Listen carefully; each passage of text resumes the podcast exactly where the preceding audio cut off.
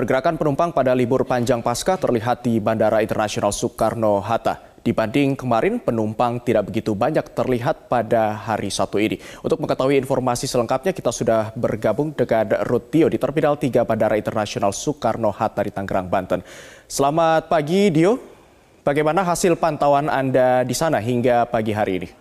Memang betul bahwa hari ini adalah hari kedua uh, libur panjang memperingati Hari Raya Paskah. Namun jika dibandingkan dengan hari kemarin, hari ini tidak terlihat begitu banyaknya adanya antrian dari pada penumpang yang akan melakukan perjalanan keluar Jakarta menggunakan moda transportasi pesawat.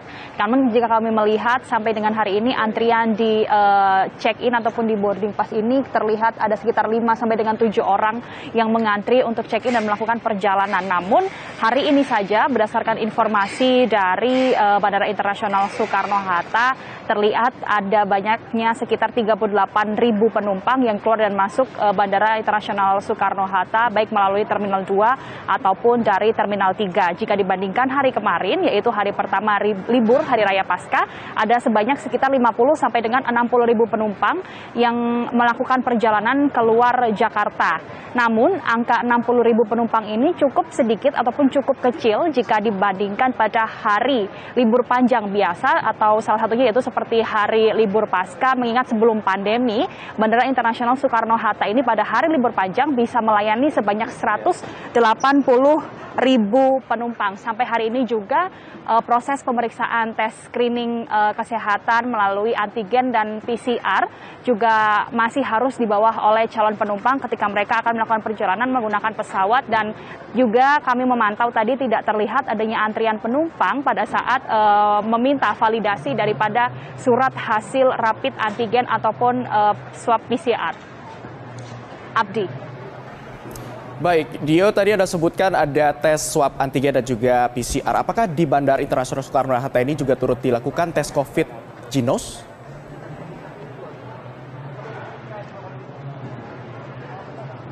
Abdi meskipun uh, pemerintah melalui Kementerian Perhubungan sudah mengizinkan pemeriksaan tes genos melalui metode hembusan nafas per 1 April kemarin uh, menurut surat daripada Ketua Satuan Gugus Penanganan COVID-19 nomor 12 tahun 2021.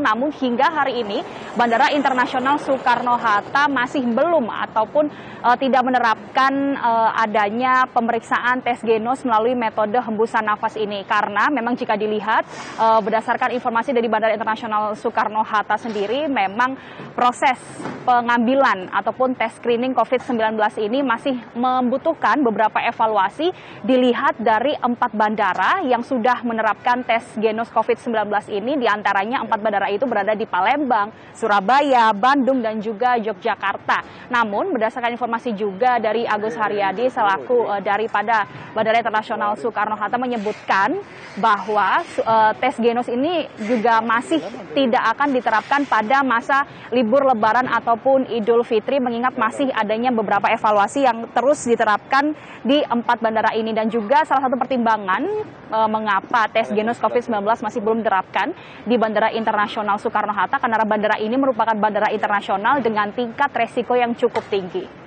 Terhitung mulai tanggal 30 Maret 2021, PT Kereta Api Indonesia KAI Daop 2 Bandung menambah layanan Ginos Test di stasiun Tasikmalaya dan stasiun Banjar. Di mana sebelumnya layanan ini telah tersedia di stasiun Bandung sejak tanggal 15 Februari 2021 dan stasiun Karacondong sejak tanggal 20 Maret 2021. Hingga saat ini stasiun kereta api yang berada di daerah operasi 2 Bandung yang menyediakan layanan Junus Test terdapat sebanyak empat stasiun, yakni Stasiun Bandung, Stasiun Kiara Condong, Stasiun Banjar, dan Stasiun Tasikmalaya. Menurut manajer Humas Daerah Operasi 2 Bandung, Gus Wardoyo, penambahan layanan Ginos C19 ini merupakan komitmen KAI untuk selalu memberikan pelayanan terhadap penumpang kereta sekaligus mengimplementasikan kebijakan pemerintah terkait persyaratan perjalanan menggunakan kereta api jarak jauh. Mengacu kepada surat edaran Satgas COVID-19 nomor 7 tahun 2021 dan surat edaran Kemenhub nomor 20 tahun 2021. Syarat untuk dapat melakukan pemeriksaan genosi 19 di stasiun, yaitu calon penumpang harus memiliki tiket atau kode booking KA, KA jarak jauh yang sudah lunas. Kemudian selama 30 menit sebelum melaksanakan pemeriksaan, calon penumpang dilarang merokok makan, dan minum kecuali air putih untuk meningkatkan akurasi hasil pemeriksaan Genos C19. Di mana secara teknis pada saat pelaksanaan, calon penumpang diminta untuk meniup kantong hingga penuh dan mengikuti arahan dari petugas yang ada di lokasi pemeriksaan. Tarif layanan Genos merupakan yang paling murah dibandingkan dengan yang lainnya, yakni sebesar Rp30.000. Hasil pemeriksaan Genos C19 di stasiun tersebut dapat dipakai untuk keberangkatan di stasi seluruh stasiun yang melayani perjalanan kereta api jarak jauh. Pelanggan diharuskan menunjukkan surat keterangan negatif Genos C19 atau rapid test antigen atau rapid test PCR yang sampelnya diambil dalam kurun waktu maksimal 3 kali 24 jam sebelum keberangkatan. Pelayanannya dimulai dari jam 9.00 sampai dengan jam 18.00 dengan adanya penambahan layanan ini, total stasiun di wilayah PT KAI 23 Cirebon yang melayani pemeriksaan genus C19 itu ada tiga. Di antaranya adalah stasiun Cirebon, stasiun Cirebon Perujakan, dan stasiun Jati Barang. Memasuki libur panjang akhir pekan, pelabuhan Merak Kota Cilegon, Banten dipadati penumpang dari berbagai daerah di Pulau Jawa yang hendak ke Pulau Sumatera. Bahkan beberapa Calon penumpang memilih mudik lebih awal untuk menghindari larangan mudik pada saat bulan suci Ramadan nanti. Ratusan penumpang pejalan kaki memadati pelabuhan Merak untuk menyeberang ke Pulau Sumatera sejak Jumat kemarin.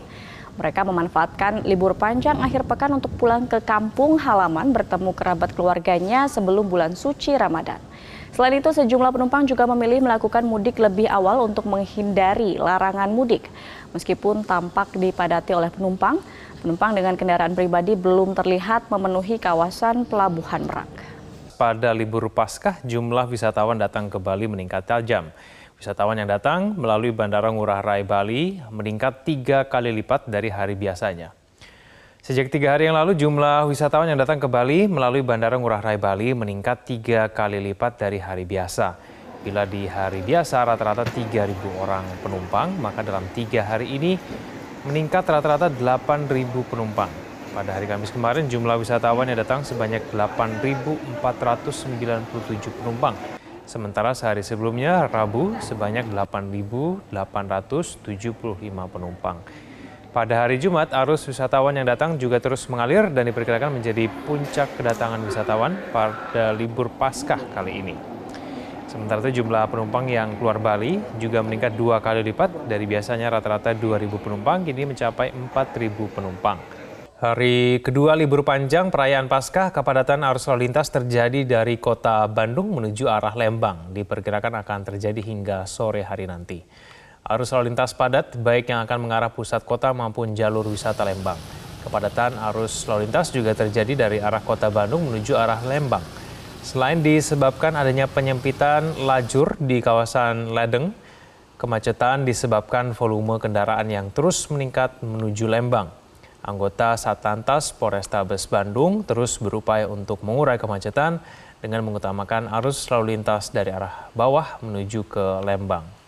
Kepadatan terjadi di gerbang tol Jakarta Cikampek hingga tadi malam imbas libur Hari Raya Paskah. Namun sejak pagi hingga siang hari ini arus lalu lintas lancar dan kendaraan dapat melaju dengan kecepatan normal. Selengkapnya akan disampaikan oleh Lis Pratiwi langsung dari lokasi. Lis, bagaimana situasi arus lalu lintas di gerbang tol Cikampek pada siang hari ini? Akan memasuki hari kedua libur panjang akhir pekan, Arus lalu lintas di tol Jakarta Cikampek saat ini tampak lancar. Kendaraan pun dapat melaju dengan kecepatan normal bahkan mencapai 80 km per jam. Mulai dari gerbang tol Cawang hingga menuju ke gerbang tol Cikampek Utama. Lancarnya arus lalu lintas ini terjadi baik yang menuju ke arah Palimanan atau kendaraan yang akan menuju ke arah timur Pulau Jawa maupun yang akan menuju ke arah Jakarta. Lalu lintas juga tampak tidak terjadi kepadatan di Jalan Tol Jakarta Cikampek 2 Elevated atau Jalan Tol Layang. Sebelumnya Jasa Marga juga memprediksi bahwa akan terjadi peningkatan volume arus lalu lintas atau volume kendaraan sebanyak 50 persen di musim libur panjang akhir pekan atau pada hari raya Paskah ini. Namun, hingga kini memang terlihat bahwa kendaraan yang melintas ini masih didominasi oleh kendaraan pribadi, namun sudah mulai mengalami penurunan jika dibandingkan pada hari Kamis malam lalu dan juga Jumat pagi. tercatat hingga pukul 10 waktu Indonesia Barat bahwa jumlah kendaraan yang melintas menuju ke arah Palimanan dari gerbang tol Cikampek Utama ini ada 6.591 kendaraan dan angka ini jauh menurun jika dibandingkan kemarin di waktu yang sama dari pagi hingga siang hari yang mencapai 21.000 kendaraan.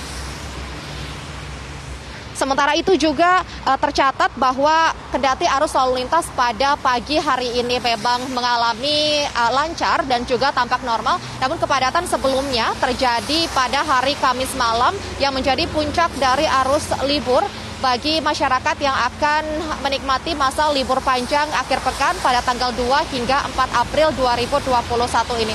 Sebelumnya kemacetan tersebut terjadi di tol Jakarta Cikampek yang mengarah ke Palimanan hingga 9 km. Titik utamanya berada di sekitar kilometer 47 yang merupakan pertemuan antara Jalan Tol Jakarta Cikampek dan Jalan Tol Jakarta Cikampek 2 Elevated atau tol layang. Egan. Liz, apa saja antisipasi jika kembali terjadi kemacetan di tol Jakarta Cikampek?